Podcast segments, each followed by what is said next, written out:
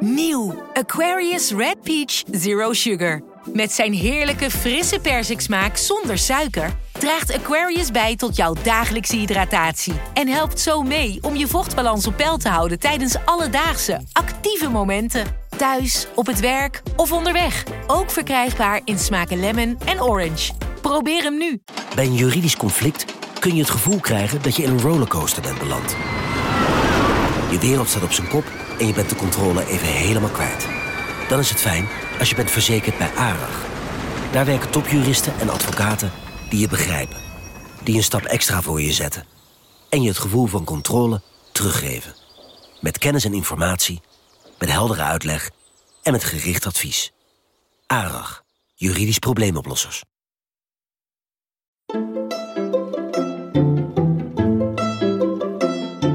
Welkom. Wij zijn Onbehaarde Apen. Dit is een podcast van NRC over wetenschap.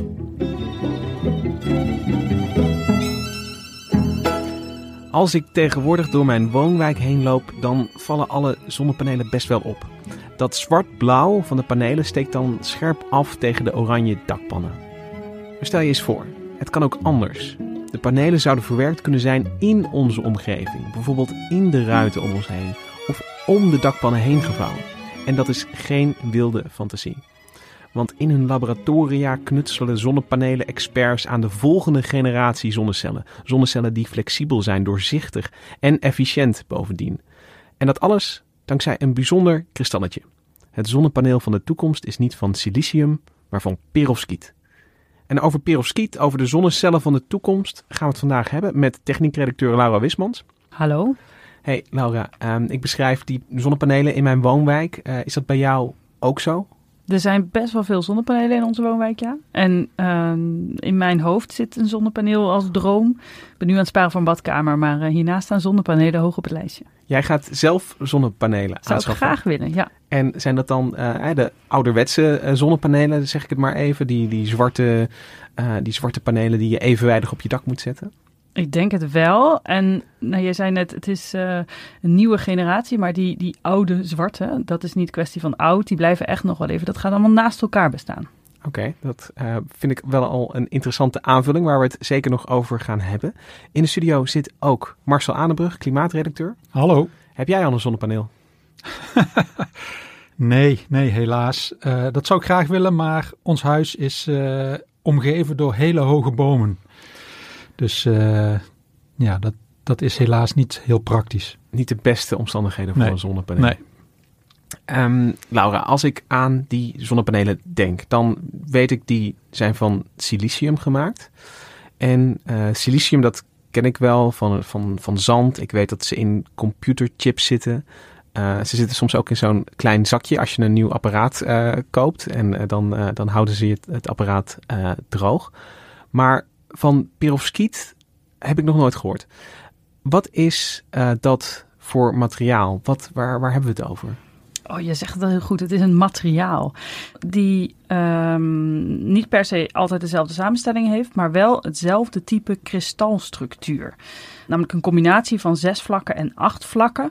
En nou ja, waar silicium bestaat uit één element, namelijk silicium, kan dit uit, um, ja, uit heel veel uh, uh, elementen samen uh, bestaan.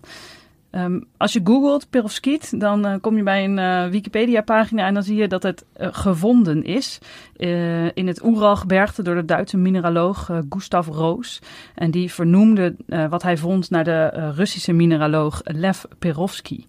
Maar het is niet zo dat je alleen maar één ding kan vinden en dat is het dan.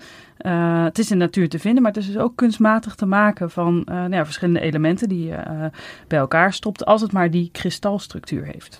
Maar de, je, hebt, je, je, vindt die structuur dus in de natuur ook. En is het daarna zeg maar nagemaakt in het, in, het, in het lab? Is dat een beetje de volgorde die we hier zien? Dus, dus is het ook, zijn die materialen ook geïnspireerd op wat er in de natuur gevonden werd? Of werd achteraf gezien van, oh, dit heeft dezelfde structuur als dat perovskiet in het wild? Ik weet niet precies hoe dat qua, um, nou ja, hoe, hoe, dat in de tijd uh, is veranderd.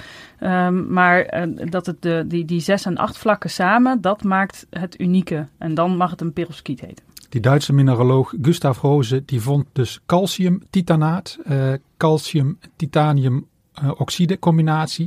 En die En dat is dan in de scheikunde vertaald als ABX3. En dat is vervolgens later inderdaad kunstmatig ook op allerlei manieren door allerlei verschillende elementen met elkaar te combineren, kun je die structuur dus ook weer maken. Ja, dus dat is dus wel een belangrijk verschil tussen als we het over silicium zonnepanelen, hè, de, de oude generatie uh, hebben, dat, die, die zijn allemaal van hetzelfde element. Maar als ik zeg, uh, dit, dit zonnepaneel is van perovskiet, dan kan dat heel veel verschillende dingen betekenen eigenlijk. Kan van alles zijn. Ja, en het hoeft dus niet per se met calcium en titanium te zijn. Absoluut niet. Nee. Dan ben ik wel benieuwd, want uh, ik kan me voorstellen dat uh, ja, dit mineraal gevonden wordt en, en beschreven. Goh, wat interessant. Um, wanneer is dat, dat waar, waarom hebben we het nu over perovskiet? Wanneer wordt er ingezien van we kunnen dit materiaal misschien gaan gebruiken om energie uit zonlicht te halen? Dat is eigenlijk nog best kort geleden. Hè? Um, ja, jij schreef er eerder over dan ik.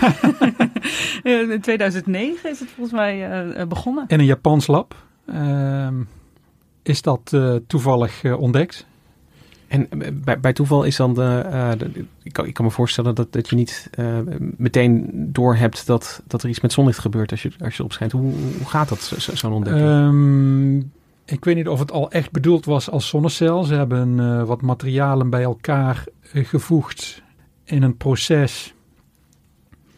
Uh, spincoating, uh, dat kan ik me wel herinneren. Welke materialen of welke elementen daar gecombineerd zijn, weet ik ook niet meer precies. Maar ehm, je, je, je, voegt een soort oplossing op een, op, een, op een vlak en dan gaat er iets heel hard draaien. En dan die druppel die breidt zich uit en dan krijg je een dunne film. En die dunne film die wordt dan beschenen met licht. En uh, tot hun verbazing zagen ze dat daar, dat, dat elektriciteit opwekte. En de, die, die opwinding, ik bedoel, voor jou was het in 2009 al aanleiding om daar nieuws in te zien. ik heb er later over geschreven. Later. dat was in, voor het eerst in 2014, want net een jaar daarvoor had het tijdschrift Science als een van de wetenschappelijke doorbraken dit perovskiet genoemd. Een doorbraak, dat is een groot woord. Um, is, is, maar is, beschrijft het wel een beetje de, de opwinding die er uh, is onder zonnecel-experts, Laura? Ja, volgens mij wel. Het, uh, het, is in 2009 dus voor het eerst uh, onderzocht. En een paar jaar later, het rendement wat je uit zo'n zo'n zonnecel kan halen, ging heel snel omhoog. Uh, het beste celletje ter wereld nu in een lab, die kan 25,2% rendement halen. Um, en dat kan zich dus nu meten met silicium. En dat is in een paar jaar uh, al gegaan. En ja, ik uh, had eerder een tijdje geleden hier een gesprek over met twee mensen van TNO. Wim Sinke, die ook hoogleraar zonne-energie is aan de UvA. En Sjoerd Veenstra, die bij TNO de programmamanager perovskiet zonnecellen is. En um, nou, ik heb ook al een fragmentje meegenomen waarin zij heel strak even laten zien wat de, ja, de grote verwachtingen van dit materiaal uh, zijn. Het is gewoon 30 jaar niet gelukt om een materiaal te vinden wat je hier bovenop kunt leggen, zodat het rendement van de combinatie hoger is dan ja. waarmee we begonnen. Ja. En perovskiet is de eerste familie van materialen die aan de ene kant de belofte heeft van goedkoop te zijn, ja. en aan de andere kant zulke unieke eigenschappen heeft dat die gestapeld zou kunnen worden. Ja. Het is het met, met, afstand het snelst groeiende terrein in de onderzoekswereld van zonne-energie, wat we in decennia hebben gezien. Ja, veel uh, uh, opwinding in die wereld ook. En uh, nou, dat is eigenlijk ook voor ons de reden dat wij hier nu zitten. Ja, want er kwamen al een aantal zaken voorbij. Hè, dat, het, dat het efficiënt is. En, en, en jij noemt dat ook, die, die efficiëntie van 25% die nu al in het lab gehaald wordt. Um, Wat, wat, wat, ik graag zou, zou doen, Marcel, is dat we even het, het, het materiaal induiken. Om te begrijpen ja, hoe het überhaupt kan dat je uit zonlicht een elektrische stroom weet te persen. Ja. En dan wil ik eigenlijk gewoon beginnen bij die straal licht. Uh, die, die, uh, ja, die ontvangen we gewoon op aarde, omdat de, de, de zon gelukkig is opgekomen. Ja. Wat ik dan van de middelbare school nog weet, is dat dat uh, bestaat uit, uit fotonen, uit ja, energiepakketjes eigenlijk. Um, wat gebeurt er als zo'n foton, als dat licht op een zonnecel komt? Laat ik het illustreren aan de hand van een silicium uh, zonnecel. Daar zitten dan uh, de, alle siliciumatomen netjes in een kristalrooster, uh, dicht op elkaar gepakt en onbeweeglijk. dan valt er, vallen er fotonen op zo'n siliciumlaag en daarin worden dan elektronen losgeschoten. Dat is eigenlijk stap 1 van het hele principe van, van een zonnecel. Een elektron krijgt een tikje van zijn foton. Elektron, ja, dus ja, een tikje. Het foton draagt zijn energie over op het elektron. En het elektron ehm, wordt dan, wat ze noemen, geëxciteerd. Het, komt in een soort hoger energieniveau.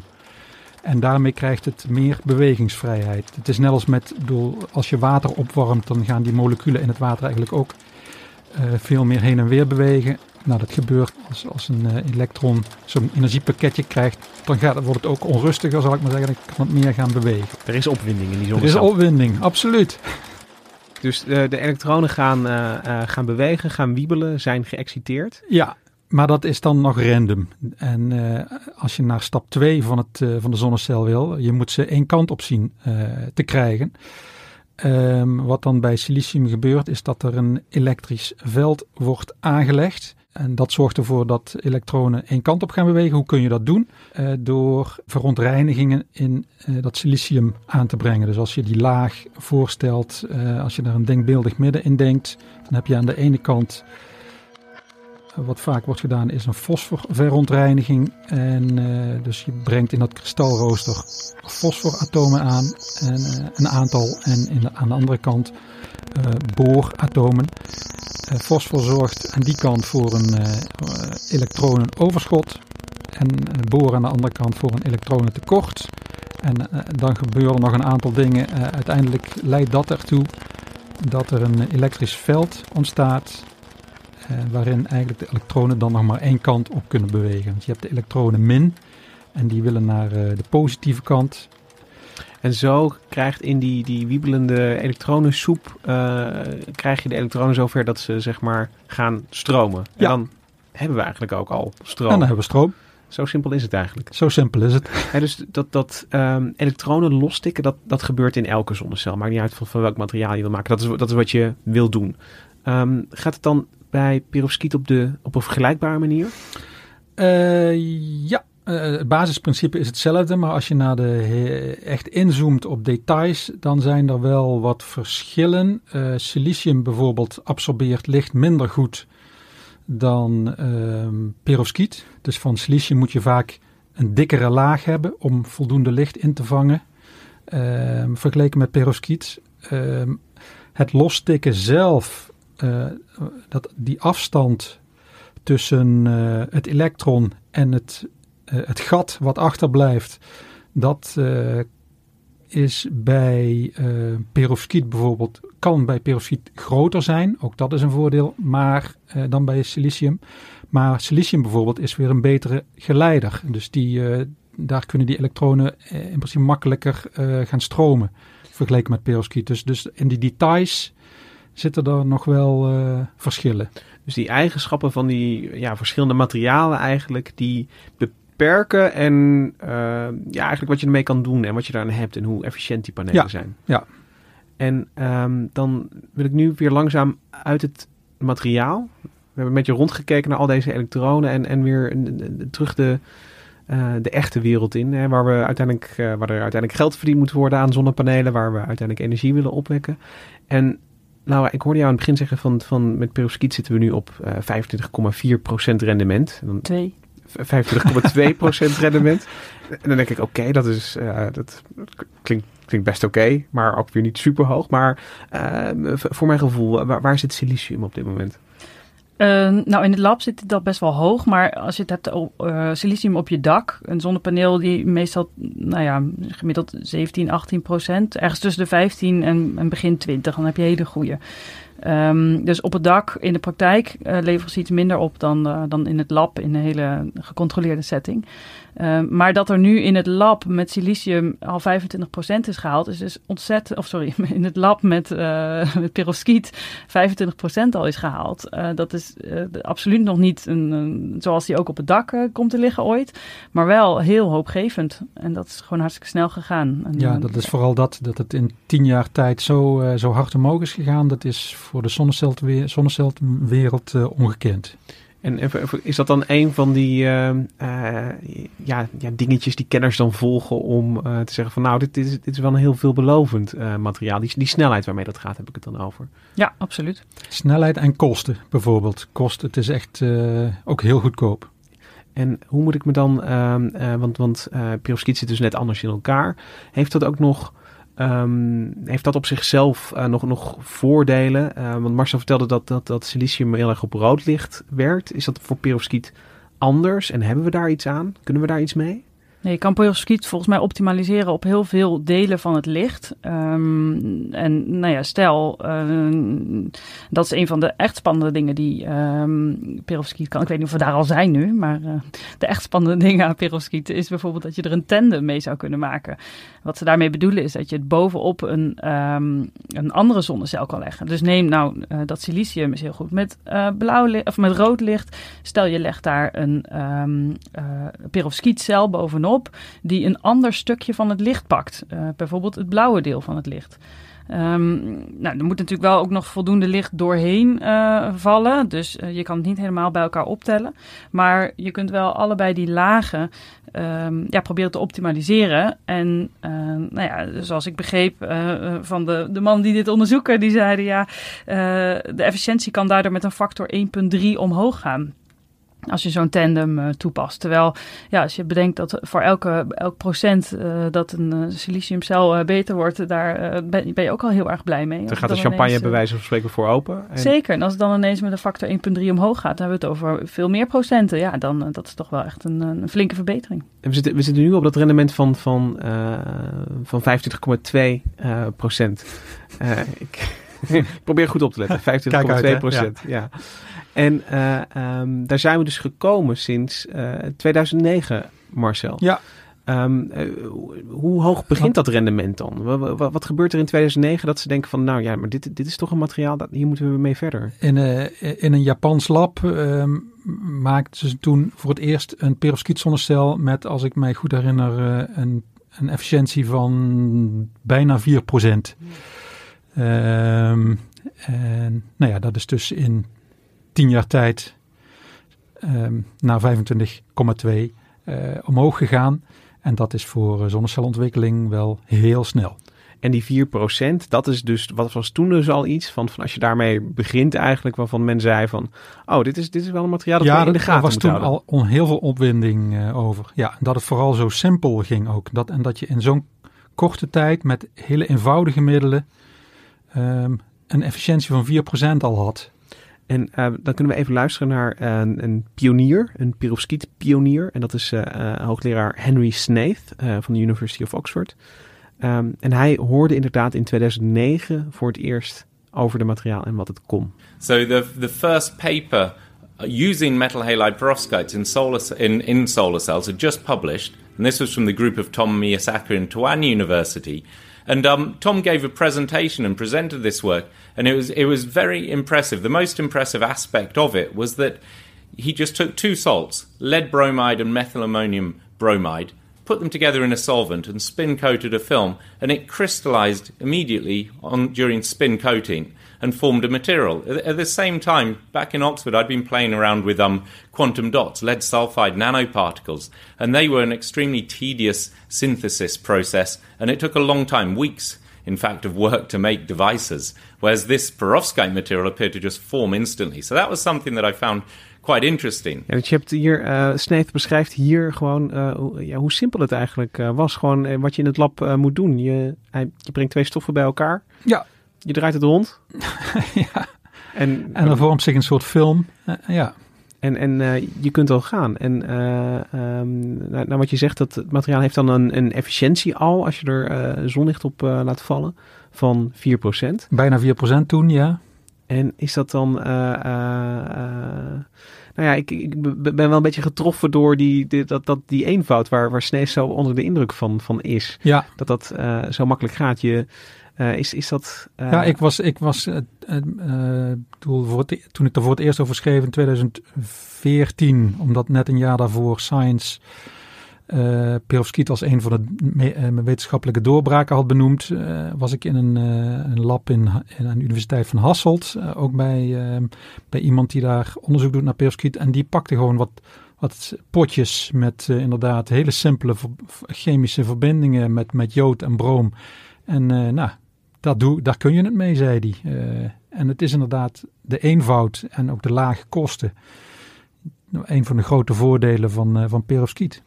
En, en, je zit dus in, in 2009 in een situatie, dat wordt in een Japans lab gedaan. En uh, meteen daarna kunnen laboratoria dat over de hele wereld eigenlijk na gaan doen. Ja, precies. En dan uh, als een olievlek verspreidt zich dat en iedereen, nou ja, de, dan een soort vliegwiel effect. Dat, dat steeds meer mensen dat oppakken.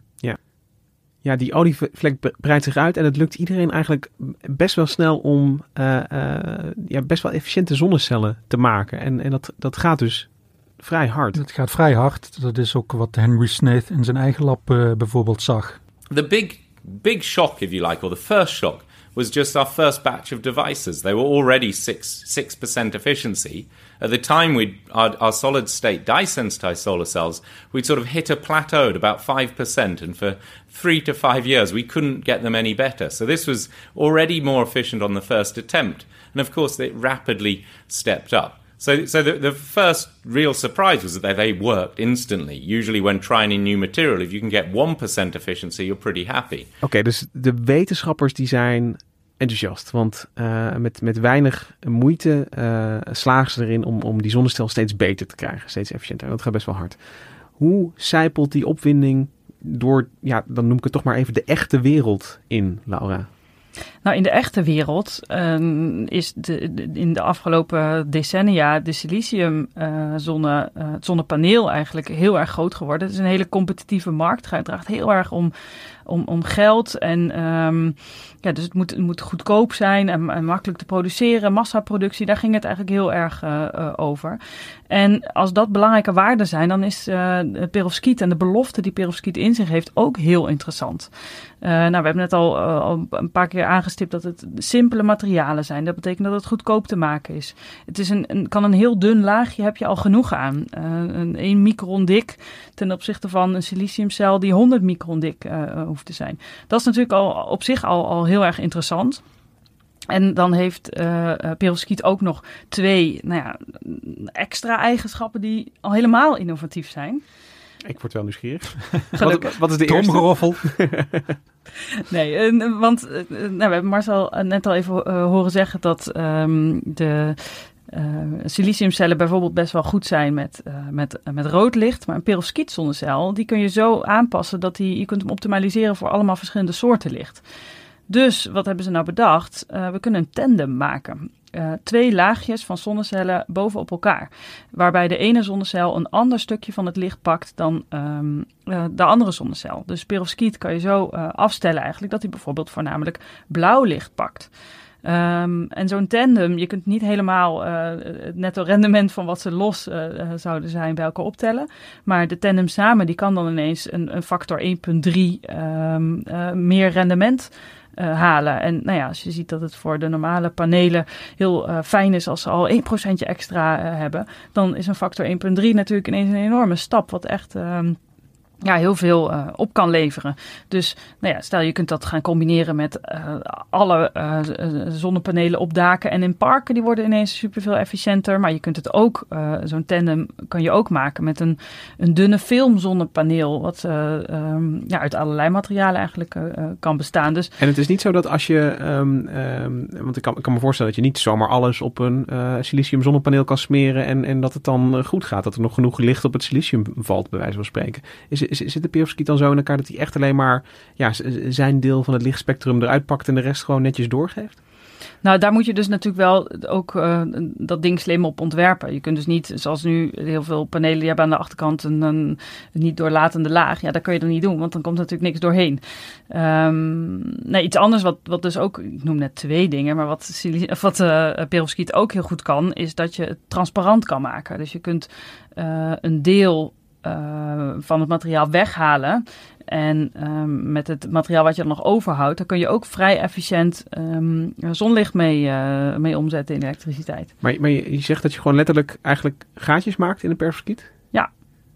En dat, uh, dat, dat, dat, is niet erg voor, uh, voor. Ik bedoel, je houdt nog genoeg over om, om daar echt wel uh, lekker elektronen uit te, uit te persen. Ja, dat was best wel leuk. Ik, ik, was dus um, bij TNO op bezoek en daar hielden ze zo'n zo'n plaatje omhoog. En nou, het zag eigenlijk uit als een uh, het was natuurlijk een, proefdingetje, hè, maar het zag eruit als een, um, ja, een beetje getint, uh, getint glas. Zoals je ook uh, bijvoorbeeld op je autoruit plakt als je daar getint glas wil hebben. Um, en, en ik zei ook van ja, wat, wat, is dat dan? Nou ja, je zit nu naar heel veel gaatjes te kijken, was het antwoord. ze hadden daar 50% van het materiaal weggehaald en je hield 40% van het rendement over. Uh, dat is hartstikke leuk, want dan kun je er dus doorheen kijken. En ineens, ja, dan gaat er een heel luikje over open van mogelijke toepassingen. Um, nou, wij hier bij NRC eh, hebben een glazen gevel aan ons gebouw. Uh, stel, je zou daar... Um, we zitten altijd heel ingewikkeld met, met de zonneschermpjes naar beneden als de zon schijnt. En, uh, Heel gedoe. Uh, altijd gedoe, ja. Nou, stel je maakt daar een, een uh, doet er zo'n folie op van um, een perovskiet, bijna transparant laagje. dan heb je dus een, ja, een, een, ruit waar je doorheen kan kijken, maar waar je ook tegelijkertijd zonne-energie mee opwekt. Nou, dat is iets wat vrij uniek is aan, aan, aan perovskiet. En ja, want dat gaat met een, een silicium zonnepaneel, met die dikte die, die het nodig heeft, gaat het gewoon niet lukken. Nee, dat niet sowieso al niet nemen. Een silicium zonnepaneel op je raam plakken, dat, dat uh, is inderdaad niet zo nuttig. Je hebt wel andere dunne film zonnecellen. Je kunt het ook, uh, andere materialen kun je ook wat meer transparant maken. Maar ja, wat zo goed is aan, aan, aan die perovskiet is dat die um, aan de snijranden, zeg maar, weinig verliest. Dat is, dat is iets wat, wel, wat bij andere toepassingen wel meer zo is. In, in het begin uh, noemde ik het al van, van een, een zonnepaneel dat tegelijkertijd ook ruit is. maar zijn de mogelijkheden dan niet gewoon eindeloos? Kun je niet over ja, elk materiaal een coating van, van perovskiet gaan spuiten of plakken of hoe dat dan ook gaat? Ja, dat is wel een beetje de droom. Dat je het zo meteen uh, geïntegreerd in allerlei um, uh, gebouwen, maar bijvoorbeeld ook in, in vangrails of geluidswallen of eigenlijk alle oppervlakken die je nu niet gebruikt, zou je kunnen gaan gebruiken um, om zonne-energie op te wekken. nou ja, dat is natuurlijk hartstikke mooi als je ondertussen eigenlijk niet zo heel erg blij bent met al die grote zonneparken die overal je uitzichten aan het verprutsen zijn. Als je dit gewoon heel ja, naadloos in je omgeving kunt, um, kunt gebruiken. Ja, dat, dat is wel een beetje een, droom waar uh, die nou, dichtbij lijkt te komen. En wordt er dan uh, meteen al gedacht aan toepassingen om echt ja, energie op te wekken, zoals zo'n ja, zonnefarm of zonnepark uh, gebruikt wordt? Of, of is het meer, moet ik meer denken van, oh, de bushalte met zijn display gaat nu zijn eigen energie voorzien als het, als het gaat hebben? Of, of is die schaal eigenlijk groot genoeg dat we veel meer ja, van ons stadsoppervlak zeg maar, echt kunnen gebruiken voor energieopwekking. Volgens mij dat laatste. De prognoses zijn wel dat uh, zonne-energie uh, de, grootste duurzame energiebron zal gaan worden. Ik bedoel, uh, in Nederland is dat nu nog uh, windenergie en biomassa is ook nog een groot deel. En op Europese schaal is het volgens mij windenergie en ook nog waterkracht. Maar zonne-energie is de laatste jaren zo hard aan het groeien en met name door, uh, doordat het zo snel goedkoper wordt, en daar past perovskiet natuurlijk ideaal in, in dat plaatje, uh, is de prognose dat uh, al in 2030 volgens mij ongeveer een derde van alle opgewekte duurzame energie verwacht wordt van, van zonne-energie. Dat, eh, het gaat ontzettend hard. Ik sta hier op de, de, de banken te juichen voor perovskiet. Uh, ik zie het. Bijna. Van, van het is, uh, ik bedoel, we kunnen er doorheen kijken. Het is goedkoop, het is efficiënt. Zijn er nog redenen te bedenken waarom we niet op, ja, meteen eigenlijk onze daken moeten insmeren met, met perovskiet? nou ja, er zijn wel nee, laat ik zeggen, smeer vooral je dak in met perovskiet. maar er zijn nog wel een aantal dingen waardoor dat uh, niet morgen gaat gebeuren. Uh, volgens mij. En een van de dingen waar, waar wel mee geworsteld wordt, is dat er um, een kleine hoeveelheid lood in die samenstelling van die uh, kristalstructuur zit.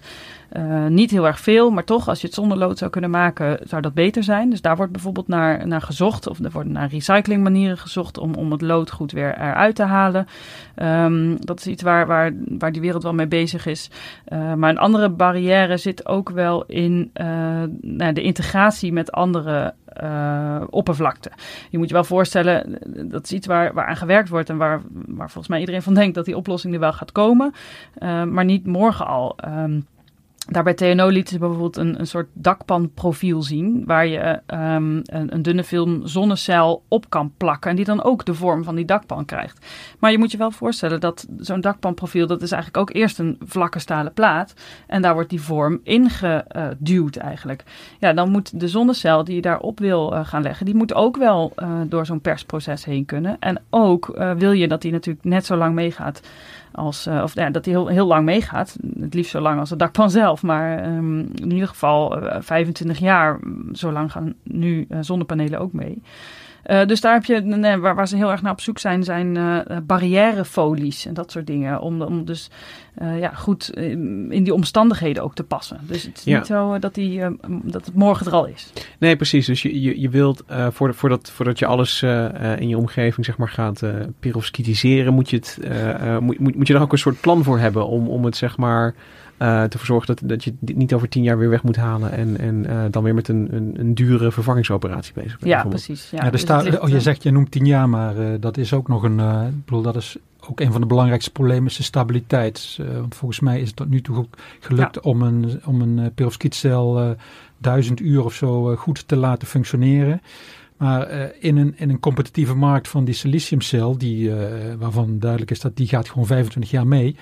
Uh, en je gaat dat combineren met perovskiet, dan moet je wel weten dat dat perovskiet ook 25 jaar meegaat. En, en dat is eigenlijk een heel lastig punt. Hoe kun je nou, als je zo'n gecombineerde cel bijvoorbeeld gaat maken, um, um, bewijzen dat het perovskiet ook al 25 jaar zal, zal meegaan. Dus daar zijn ze ook nog uh, um, dingen aan het bedenken voor hoe kunnen we nou testen, hoe kunnen we nou een soort test, voorspellende test bedenken waaruit blijkt dat uh, uh, bepaalde samenstelling van perovskiet inderdaad 25 jaar zal meegaan. Uh, perovskiet zoals het nu is, bijvoorbeeld ook, daar zitten vaak elementen in die water aantrekken. En nou ja, dat ondermijnt de stabiliteit, want dan gaan onderdelen weer oplossen en, en drijven. En dat, ja, dan, dan heb je er ook niks meer aan. Ja, dus er wordt aan de ene kant heel hard gewerkt om perovskiet zelf uh, nog efficiënter te krijgen en nog beter te maken. En aan de andere kant wordt er ook heel hard gewerkt aan hoe combineer je het goed met al die andere uh, dingen. Uh, het is nog niet dat alle antwoorden daarop al binnen zijn. Nee, maar, maar jij hebt, ik bedoel, je hebt al door perovskiet heen gekeken. je, je, hebt die, heb je die dakpanfolies ook al, al gezien en vastgehouden? Ik heb een dakpan vastgehouden en er zat wel folie op, maar dat was geen perovskietfolie. Want dat is dus nog niet zo ver dat dat echt al in folie aan te bieden is. Dat is wel de droom, dat het gewoon uh, op een rol in de bouwmarkt uh, ligt, ja. Ja, dat het echt in een, dat je gewoon de bouwmarkt instapt en zegt van, van doe mij twee rollen perovskietfolie. Ja, zo, dat was wel het voorbeeld dat daar werd genoemd, ja. Vond ik hartstikke leuk. En nou, nou ja, dat, ik bedoel dat dat, dat is bijna mind-boggling uh, dat, dat als uh, um, uh, dat die potentie in ieder geval wordt gezien dat je ja iets, iets hebt wat, wat zeg maar gewoon universeel makkelijk toepasbaar gaat worden. Ja. En tegelijkertijd zie ik dan, en dat, is, dat geldt vol, volgens mij voor meer technologieën. Je, zit in een, in een uh, ja, we verlangen dus eigenlijk zoveel van, van die materialen en van een mogelijke opvolger of uh, uh, ja, zoals ik nu al wel begrijp, een, een, een, een stof naast silicium. dat, dat het best wel lastig is om, om, om daartussen te komen. Dus ik, ik, ik wil toch aan, aan jullie vragen van, van hoe zien nu de potentie van perovskiet Verwacht jij dat jij over 15 jaar over perovskiet zonnepanelen kan nadenken bijvoorbeeld? Dat het dan al zover is dat je een, een, een bureautje inschakelt dat zegt van uh, nou we gaan uh, die efficiëntie even omhoog doen. We gaan nu... Nou, of dat je op je, op je silicium dakpan of, of uh, op je siliciumpaneel nog een laagje perovskiet gaat leggen bijvoorbeeld. Ja, ik hoop dat dat zo is. Ja, dat, Ik ben daar wel positief over. Ja, want als je ziet hoeveel gepatenteerd wordt op uh, perovskiet uh, toepassingen en welke bedrijven, grote bedrijven ook, zich daar opstorten. Um, nee, dan ben ik daar wel heel positief over. Ja. Wat, wel, wat, wat, wat uh, bij TNO ook zeiden, ja, de, um, de markt voor de huidige siliciumpanelen, die is heel groot, die is bekend, er is heel veel uh, uh, al duidelijk over. Het is heel moeilijk om die zomaar te doorbreken. Maar er zijn nog zoveel andere markten. Er is nog helemaal niks wat doet met ruiten die ook zonnepanelen of, of zonne-energie opwekken.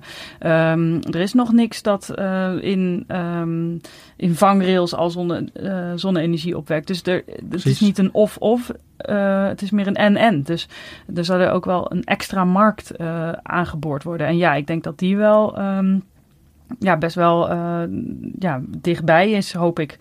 Um, ze zeiden ja, een, een, van het lab naar, naar de bouwmarkt, dat duurt uh, ongeveer 20 jaar. Maar omdat het nu zo snel gaat met pilskiet, uh, ja, wie weet wel een paar jaar eerder. Dan het eind van dit decennium ja, is het zover. Nou ja, ik, ik, ik vind het toch ergens, ik, ik wil nog één keertje gezegd hebben, best bijzonder dat er in 2009...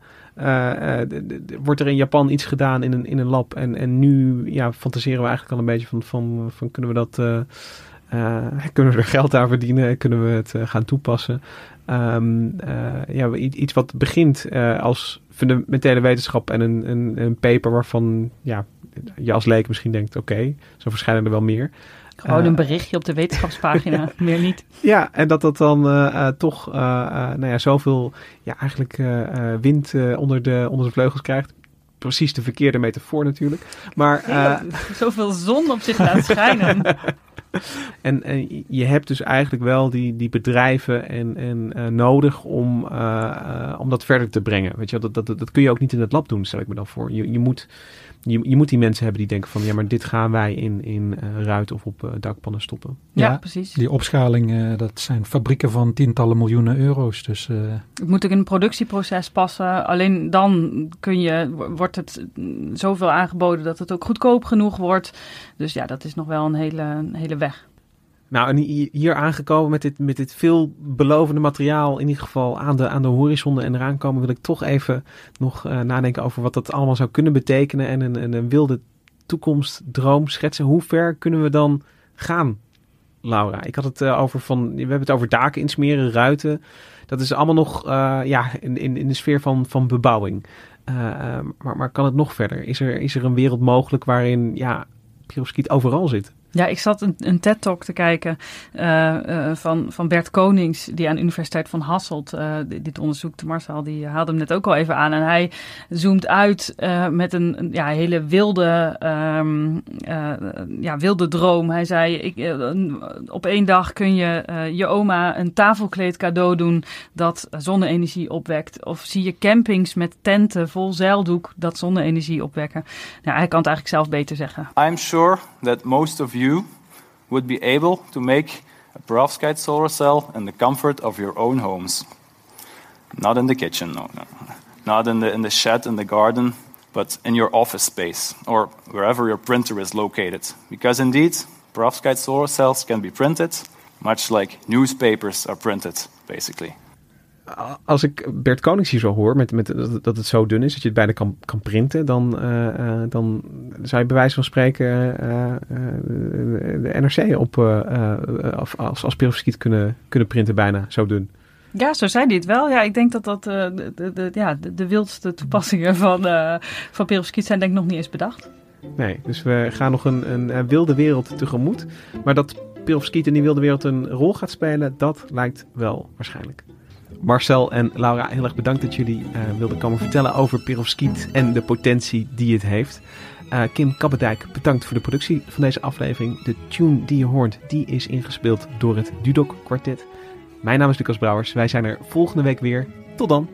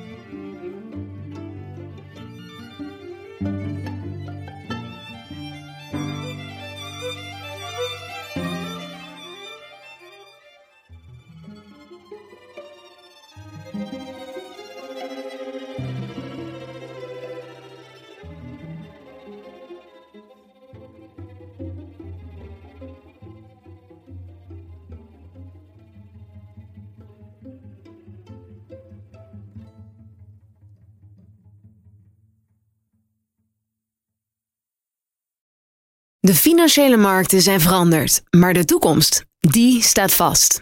We zijn in transitie naar een klimaatneutrale economie. Dit biedt een van de grootste investeringskansen van onze generatie. Een kans voor u om mee te groeien met de pioniers van morgen. Meer weten? Ga naar carbonequity.com. Carbon Equity. Do good by investing better.